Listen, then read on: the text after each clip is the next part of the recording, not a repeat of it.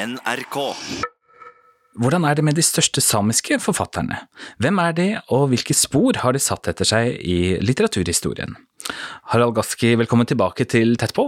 Takk skal du ha. Du har jo vært med før, og det er veldig hyggelig at du har lyst til å bli med en gang til. Vi får se om, om man skal gjenta suksessen, eller om det blir Eller om man nå avslører seg fullstendig. Du er professor i samisk litteratur og kultur på Sami Allaskola, og så er du professor to på Universitetet i Tromsø, i tillegg til at du er forfatter og redaktør. Og så har du fordypa deg i Nils Aslak Valkeapääs liv og kunst, og har oversatt flere av hans verk. Ja. Hva regnes som den første samiske litteraturen?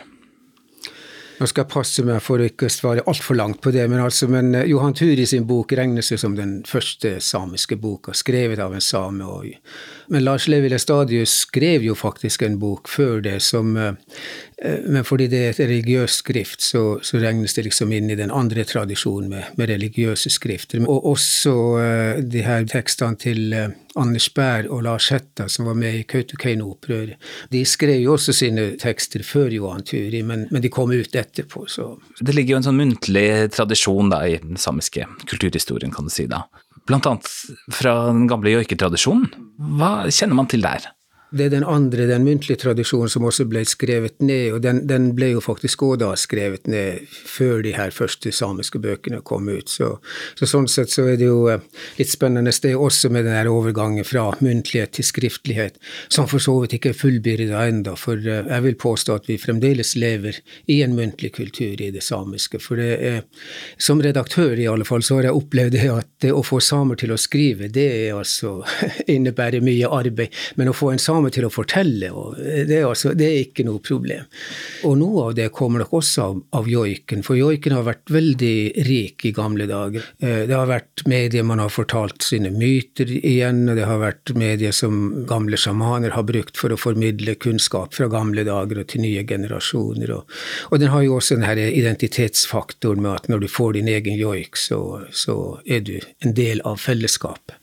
En del av de gamle joikene er jo kjempespennende på den måten at de faktisk også blir sånne der politiske uttrykk veldig tidlig. Altså, man brukte joiken internt for å oppmuntre samer til å stå på sin rett, bruke språket sitt og, og ikke gi opp. Og, og slett ikke gi inn for, eh, for assimilasjon og kolonisering. Og den klareste teksten der er jo uh, vekselsangen, som den heter, uh, mellom Suale og Nueidi, altså tyven og sjamanen.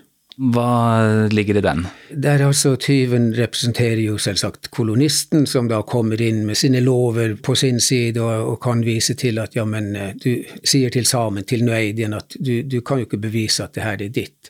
Og så argumenterer de mot hverandre ganske lenge, og sjamanen prøver jo å få den andre til å, til å forstå saken sånn som sånn som samer ser det. Og det hjelper ikke, for tyven bruker bare sin overmektighet og, og sin makt til å overkjøre samer. Så sånn sett blir teksten også og veldig moderne, og liksom har akkurat det samme i seg som f.eks. Nils Aslak Valgabæda bruker i det her eh, veldig kjente langdiktet sitt eh, 'Mitt hjem er i mitt hjerte'. Og løsninga på, på, på den gamle joiketeksten er også det at, at sjamanen sier til, til tyven at tyv, du er blitt herre. Han vedkjenner seg det tapet, men så snur han seg til sitt eget folk, og, og da sier han eh, henvendt til de samiske tilhørerne at eh, at han skal drive bort tyven. Maner til kamp. Ja, ja da, så beskjeden er veldig klar at, at her, vi, vi gir ikke opp, men vi, men vi, men vi lar Daja, nordmannen, få sitt. For han, han, han kan vi lure retorisk med å si at, at ja da, ja da, du får Det er klart du har retten på din side. Yes. Når du sier de gamle joikene, hvor gamle er de? Ja, det er litt vanskelig å, å vite sikkert, for, eh, men, altså, men tematisk så, så er de fra den tida når koloniseringa starta. For det er veldig klart at eh, de viser en eh, tidlig forestilling av at samene har hatt et fellesskap og har oppfattet seg som samer, og dermed som noe annet enn en de inntrengerne som kommer. De joiketekstene reflekterer et sånt samhold blant samefolket som eh, man ikke finner andre steder. så Derfor så det, har det vært litt overraska også over at det har vært så alene innenfor forskningen på å bruke de her gamle joiketekstene som kilder til diskusjon om samisk etnisitet, om tilhørighet og det hele. De to lange tekstene som er om Samelands første innbyggere og om Samelands senere innbyggere, som de heter. Første går egentlig langt tilbake til steinalderen, og kanskje enda lenger hvis det er mulig. Men i alle fall, det er veldig tydelig at eh, da var det den animistiske troen som levde, altså det at alt hadde sjel. Og for den første joiken slutter med det at man nådde fram til en ny tro, og den nye troen var da sjamanismen, altså at man begynte å tro på gøvdis, som det heter i teksten, altså trommen. Og den andre går da helt fram til kristendommen ble introdusert. Så sånn sett så, så har de altså det, det er veldig spennende i seg i, i, tid, men det andre er også at de beskriver både tuder og andre inntrengere, men ikke minst det med at at de ulike samegruppene kom sammen og ikke kjente hverandre i utgangspunktet, men da fant ut etter hvert at ja, ja, men vi har jo noe felles. Så alt det der er, er utrolig spennende stoff som skulle vært gjort mye, mye mer med. men det... Hvis vi spoler fram til han som vi var innom i stad, som eh, egentlig regnes som den første samiske forfatteren av, av mange, da, Johan Turi, født i 1856. Fantastisk fyr. Ja. Ulvejeger. Ja. og multikunstner. Ikke sant. Ja. Og han skrev tre bøker i løpet av sitt liv. De to andre var jo på en måte oppfølgerne til Moitelo Sami Birra. og Moitelo Sami Birra ble ikke oversatt til norsk før det gikk 101 år. Og, og, da heter det Min bok om samene i norsk oversettelse. Og det er faktisk en, en eh, god oversettelse, for, for, Johan Turi mente jo nemlig å skrive en uh, sandruelig og en faktabok om samene. Men pga. Moitelos-ordet, som da datidens forskere oversatte til fortelling, altså en fiksjonsfortelling, så ble den stempla som en fiksjonsbok og ikke, en faktafortelling om samer. Oh, ja. og, og Elsa Laula var nettopp kommet ut med sin sin eh, pamflett eh, 'Innenfor liv eller død', hvor hun oppfordrer samene til å organisere seg. Og så kommer Johan Turi da med en bok som også er ganske kritisk til måten eh, majoritetssamfunnet har behandla samene på. Så, så, det er mulig også at man da ved å fiksjonalisere den boka prøvde å ufarliggjøre den. Mm. Det er ganske påfallende at den oversettes til en rekke språk, bl.a. japansk, var det ikke det? Ja. Og så går det over 100 år før, eh, før den blir oversatt til norsk. Ja, Den ble jo riktignok oversatt forholdsvis raskt til svensk, så den kom ut i 1917 på svensk, 1910 i original og, og, og, i dansk oversettelse. Og, og, den danske var jo da på grunn av samarbeidet han hadde med Emilie de Mant. Hun eh, hadde jo sitt svare strev med å holde Johan ved skrivebordet og få han til å, til å skrive den boka som han så lenge sjøl hadde drømt. For det var hans egen drøm. Han ville skrive en bok om samefolket. Mm. Han fant på all verdens unnskyldninger for å komme seg ut. Og, og han var jo, som de sier, ulvejeger, så han, så han Tenk altså, sitte og skrive en bok, og så har du som fritidshobby å dra ut og jakte ulv. og, og, det morsomme er jo også at det er, jo det, han er, det er jo det han huskes for i joiken der Ingen nevner at han er forfatter, men, altså, men han var en stor ulvejeger. Så, så, det er det som samene var imponert over, ikke det at han skrev tre bøker. men det han skriver om, om ulvejakt er jo helt fantastisk. Jeg har bare lyst til å lese opp et lite utdrag der. Eh, han skriver Et knep om ulven får tak i deg. Da skal man stikke hånda inn i ulvekjeften, helt ned i svelget, og ta tak ned i svelget, og da kan ikke ulven bite. Og så beskriver han hvordan man kan bruke den hånda som er fri, til å finne kniven og ja. gjøre slutt på ulven. Ja, det er jo godt råd å ha med seg videre. ja, ikke sant. I alle fall på den tida når det var mye ulv. Så. Og apropos ulv og, og, hans respekt for den, som eh, er jo også helt fantastisk. Og det viser jo nemlig det, det nære forholdet som har vært mellom, eh, altså i gammel samisk kultur, og rovdyr som ulv og, og bjørn og jerv. For det var de tre som ble oppfattet som de tre klokeste, som da var verdige motstandere for, til samene. Mm. Så, så, så, det ble jo også en sånn intellektuell lek eller kamp, det å være flinkere enn ulven og, og bjørn. For begge var jo også så kloke at de forsto jo hverdagslig tale. Så hvis du f.eks. sa at du, nå skal jeg dra ut og skyte den der forbanna ulven. Så ville jo ulven forstå det hvis du bruker ulv-begrepet. Så derfor måtte man komme på sånn, en omskrivning, en metafor for ulven. Og det samme med bjørn. Og det der ble jo igjen en, en estetisk sak blant samene, og, komme opp med flere og flere begreper for det. Så, så, så det er tydelig at samene virkelig har hatt en sånn kreativ åre hele tida, og at man har elska språket og, og leker med språk og utvikler utvikle ting. Ja. På hvilken måte hadde han respekt for det dyret han eh, eventuelt måtte avlive, da? Han forteller jo en historie, men altså det blir utrolig mye igjen mellom linjene. F.eks. det at han da refererer til ulvejoiken, som jo sier at ulven krysser ni dalfører i løpet av en kveld. Da er du jo virkelig tøff og, og, utholdende, så det er jo det man, den joiken sier. Men samtidig så inneholder jo det også den visdom at hvis du da som jeger har fulgt etter ulven, de ni dalførene, så gir altså ulven opp. Da skjønner den at her har den møtt sin overmann, så det hjelper ikke å komme seg bort ifra den. Så da legger den seg egentlig bare ned for å gi livet sitt.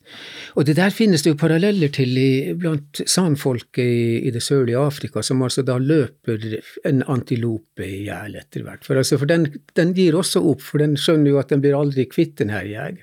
Yes. Det kunne jo gå tre-fire dager før den ga opp, og så må du da bære hele svære antilopekroppen tilbake til familien. Så, så sammen hadde det jo mye enklere med snøforhold og sle, sleder og det hele. Han beskriver også mange sånne praktiske råd som er veldig fascinerende, syns jeg. Hva man skal gjøre om noen besvimer, eller hvis noen nesten drukner. Og hvis du blir bitt av en hund, så skal du ta blod fra den samme hunden, og så skal du smøre såret, og da går hevelsen ned. Ja, det er masse naturmedisin der. For hans idé var jo det å fortelle en hel historie om samefolket. Og jeg syns også det der blir en, en, veldig fin definisjon av historien, som da inneholder historier. Du forteller historien gjennom historier og, og praktiske ting som har betydning for folk i hverdagen. En litt sånn artig, mm, nesten en kuriositet. Han, han brukte ikke noe tegn? Det er sant, han starter boka med, med stor bokstav, og så, og så, er det ikke noe andre tegn. Ikke punktum eller komma ingen, eller noe? Ingen punktum, ingen komma. Han har uh, stor bokstav på et par andre ord. Men så har han da tegna i margen et par steder hvor han uh, føler at han ikke har forklart tydelig nok med ord. Hva kan du si om tegningene hans, da? En del av de tegningene er også kjempespennende, fordi de på en måte er sånne billednoveller når ulver angriper reinflokken. Forklarer han jo også i teksten om hvordan reinflokken eh, reagerer, men, altså, men, eh, men, eh, han føler vel at han ikke får gjort det grundig nok, så han lager den tegninga som da viser altså den strategien som reinen har lært seg til. Altså, og, og det, det, får da Johan Turi vist. Så, så derfor blir de tegningene fortellinger i seg sjøl. Det mest interessante er det der hvor han plasserer seg på, som, en, som en fotograf og ser på en vårflytting og en høstflytting på samme tid. Så, han tegner vårflyttinga, da går reinen én vei, og, og så høstflyttinga den andre. Og det gjengir han da. Og med sånn presisjon, og når folk ser de her bildene, så lurer de vel på hvorfor det står 94 og 80. Og det er altså alderen på de to gamle fyrene ah, ja. som var der. 94 år gammel? 94 år gammel, ja. Helt utrolig. Det er jo interessant at uh, Knut Hamsun uh, trekker det fram som en sterk bok litterært sett, da.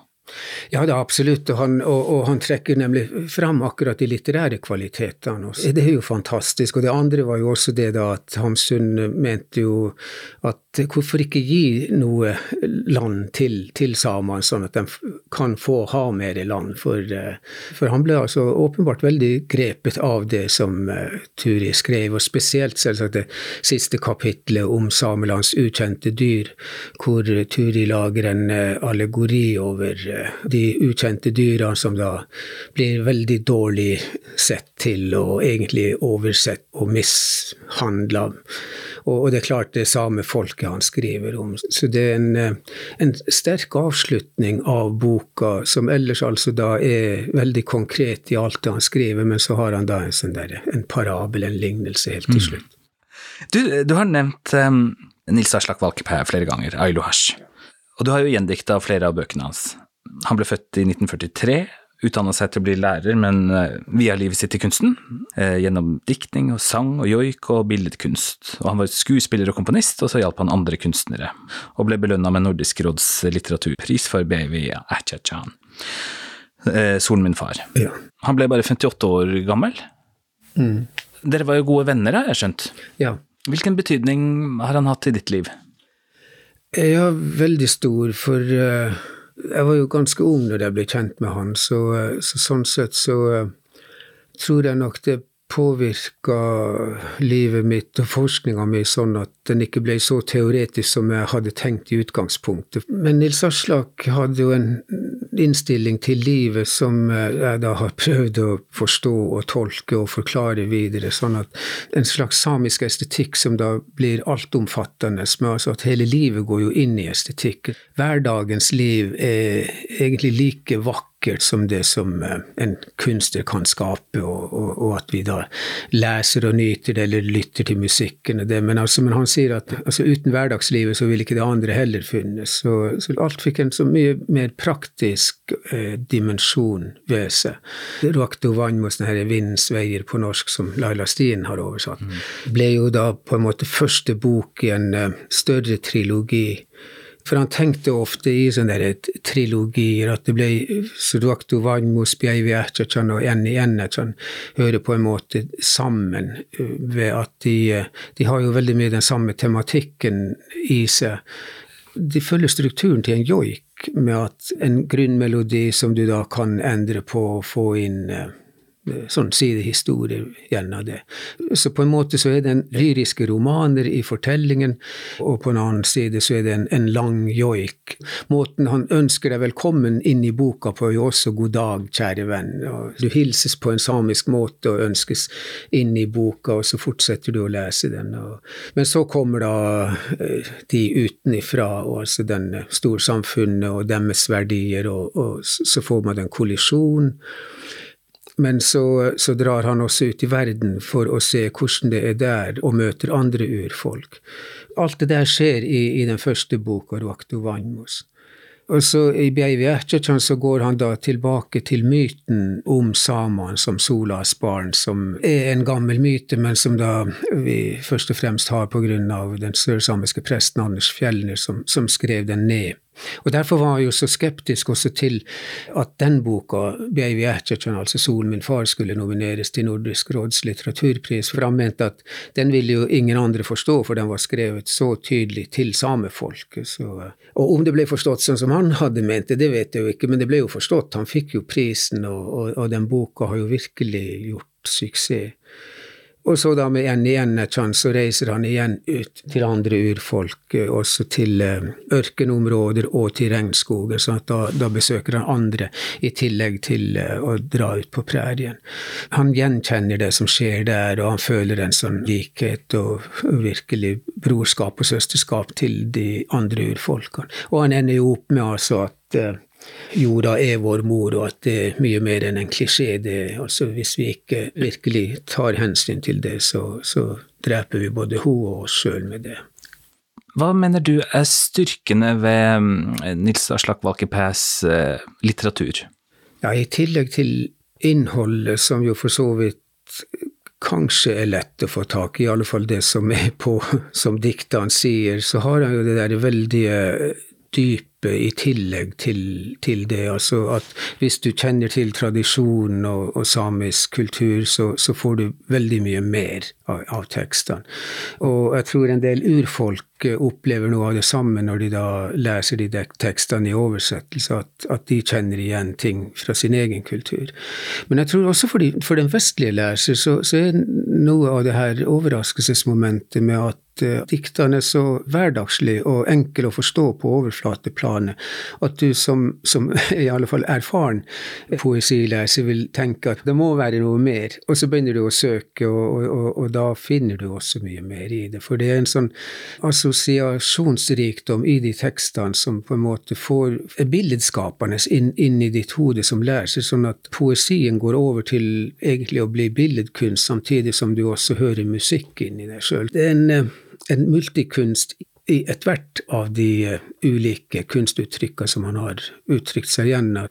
At til og med når du da står og ser på et maleri som han har gjort, så begynner det faktisk å strømme ut joik eller musikk eller joikekomposisjon av det, for, for jeg syns jo også det Han er jo uh, ikke tilkjent den rollen og den æren som han fortjener når det gjelder å være kompositør, for han, eh, han laga jo joikekomposisjoner, eller komposisjoner basert på joik. Så det var egentlig ikke bare tradisjonell joik han, han gjorde, så han utvikla jo det også i en sånn spennende musikalsk retning, og, og, ville gjort det enda mer hvis han hadde fått levd videre, for, for det var der han var og eksperimenterte det er noe med det der at den umiddelbarheten som er i kunstverkene hans, på en måte transformeres foran deg når du står og ser på et bilde eller lytter til musikken eller leser et dikt, til noe mye mer enn det. Så, så det enkle blir altså veldig sammensatt og, og avansert. Men på den annen side så var han jo så opptatt av å bygge opp det samiske, så, så det var jo også et pedagogisk prosjekt. Han var jo lærerutdanna. Var aldri lærer, men, men, han var jo en pedagog for sitt folk. Og, og, han fikk jo også folk til å oppdage at de faktisk kan lese samisk, selv om de ikke har hatt noe undervisning i det. Så, så derfor hadde han jo så mye bilder i, i, bøkene. For at folk kjøpte jo bøkene veldig ofte bare pga. illustrasjonene eller fotografiene. Og så vil jo øyet ditt falle på den teksten og som same, hvis du da kan samisk, selv om du tror at du ikke kan verken lese eller skrive det, så, så vil du forstå en del av de ordene. Kjenner du noen som har forstått at de kan lese samisk? ved å lese den? Ja, det, ja, det er det flere eksempler på altså, som har oppdaga at ja, ja, men det var, jo, det var faktisk øyeåpneren som eh, Nettopp det at vi ikke klarte å unngå å lese teksten i boka, og så oppdaga man at man, man forstår det. Og, og, det andre er jo den der ibsenske varianten finnes også, med at utlendinger som vil lære seg samisk for å kunne lese Nils Aslak i original. Så det er jo også morsomt. Du har oversatt de to siste bøkene, eller gjendikta de to siste bøkene. Ja. Hvordan er det å oversette et verk som egentlig er skrevet for et samisk publikum, altså med de referansene og de språkmessige finurlighetene og, og grepene som man har tatt? Ja, det var veldig interessant. Og altså, I begge de oversetterprosessene så oppdaga jeg jo veldig mye ved originalteksten som altså ikke er mulig å oversette, eller altså er mulig å oversette, men da må du gjøre et valg, og ett valg. For det samiske kan du da forstå på tre eller ti ulike måter, og, og spesielt med Nils Aslak, som virkelig var så nøye med språket og, og, og valgte å, å, bruke absolutt hele den assosiative potensialet som, som ligger i språket. Så, så, så sånn sett var det litt gøy med engelsk, som da på en måte har har flere ord enn norsk, så syns jeg vi kom nærmere den samiske originalen i den engelske oversettelsen enn det norsk og svensk klarer å tilby. Å ah, ja, på grunn av ordrikdommen? Ja, og det var litt eh, morsomt å oppdage det, for, eh, for altså at norsk er jo åpenbart et, et veldig presist språk på, eh, med de begrepene som man har. Så har man den andre dimensjonen ved språket, den poetiske dimensjonen, hvor Nils Aslak da virkelig utvikla den her poetiske dimensjonen, sånn at Pluss at han, i og med at vi da var nære kjente, så, så ble det jo en konkurranse også etter hvert. Han, I hver bok så hadde han en, et dikt som skulle være umulig å oversette. Jeg prøvde å få tak i noen av bøkene hans i, i Tromsø nå nylig. Fant ingen på norsk. En bok på engelsk og en på japansk. Ja. Og det syns jeg er så rart. Altså, det som regnes som den største samiske forfatteren at det ikke er tilgjengelig på, i en norsk oversettelse i den byen eller det stedet i Norge hvor det antagelig bor flest samer, da? Det kan uh, sikkert ha med to ting å gjøre. Det ene er vel det at bøkene er utsolgt. Men det andre er faktisk også det at det er litt underlig med den her eh, labre interessen eh, når det gjelder bokhandlere å selge samisk litteratur. Så, eh, for det opplevde man jo også i Finland når, når Nils Aslak ble tildelt Nordisk råds litteraturpris. Så fantes jo boka på finsk, men den var visst knapt nok utstilt på den største bokhandelen i Helsingfors. Så det er altså stemoderlig behandling utvikling av, av samisk litteratur eh, fremdeles, dessverre. Det er den negative sida. Men altså, den positive sida er jo likevel bedre, fordi at eh, sånn som Norla jo, ga jo samisk litteratur veldig god plass under bokmessen i Frankfurt når Norge var hedersland der. Og, og de har også utvida sin praksis nå med å støtte oversettelser til andre språk. Så det skjer positive ting, men det går tregt. Og det andre problemet er jo det at eh, de, den samiske litteraturen ofte gis ut på samiske forlag som har dårlig råd i utgangspunktet. Og, eh, men jeg skjønner jo det er, en, det er en risikosport for dem også. Med, hvis den da ikke selger, så kan forlaget like godt gå konkurs ved å ha brukt så mye penger på å gi de ut. Og ikke minst, han, eh, vi har jo et etterlatt manuskript etter Nils Aslak også, 'Eidernes Elli', som da er en essaybok. For der gjorde han teksten klar, helt klar, og, og til og med typografien, layouten til boka, har han, eh, har han bestemt. Så der, så der, er det igjen bare et spørsmål om å finne finansiering til, til å få det ut. Så hvis noen rike personer hører på dette programmet og har lyst til å støtte Lessagammi og Datt, så må de absolutt gjøre det. du som kjente han veldig, veldig godt, var han optimist? Hvordan var hans verdensanskuelse sånn fram i tid? Ja, den var nok problematisk. Jeg tror han eh, i nettopp denne Baby Beivietchetan-boka, som, som, virkelig er hans viktigste og, og, og, sånn sett også beste bok, der sier han jo noe om det at, at til og med bålet kan ha en annen stemme i morgen, og, og at alt er i endring. Og, og, han gjentar det i sitt eneste skuespill som han skrev, altså den rimhårede og drømmeseeren, eh, der han også sier at uh, generasjoner kommer, generasjoner går. Alt er i endring. Så jeg tolker det i alle fall som han forutså at samefolket ikke kommer til å bestå for alltid, men, altså, men at vi har vår rolle og plass den tida vi er her på jorda, og, og må prøve å formidle våre verdier til, til, hverandre og til resten av verden. Og akkurat der var Nils Aslak veldig bekymra med alt det nye som kommer inn, at det, det truer den basiskunnskapen hvis vi ikke blir flinkere å ta vare på den. Og det var nok der han også var eh, bekymra nettopp ut ifra også den, den, første boka, altså den essayboka, hvor han også er inne på det her med at når skoler ikke underviser i det samiske, så, så vil jo heller ikke de samiske barna få den kunnskapen gjennom skolen. Så derfor blir hjemmet så viktig. Og nå har jo verden endra seg fullstendig siden den gang, for nå har jo både skolen og barnehage fått mye viktigere posisjon der, og det undervises om det i samiske skoler. Men det neste steget, eller det som mangler, er jo at, at andre får lære om det.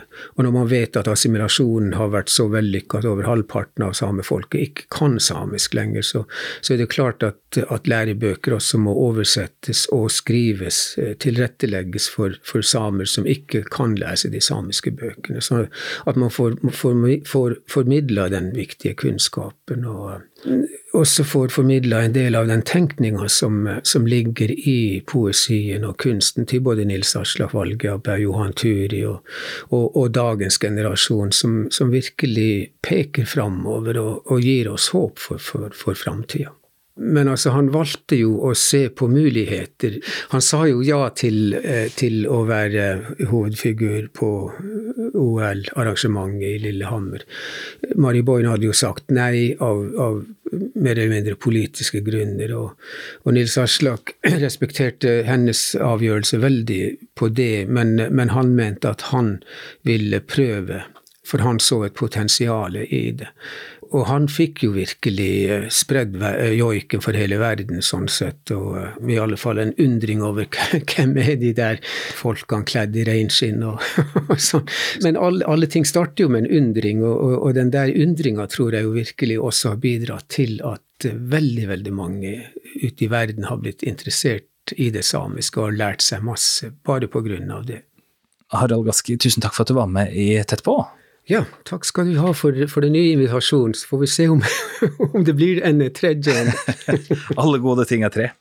Jeg heter Svein Lian, tett på fra NRK Sápmi, er produsert av NTLN Media.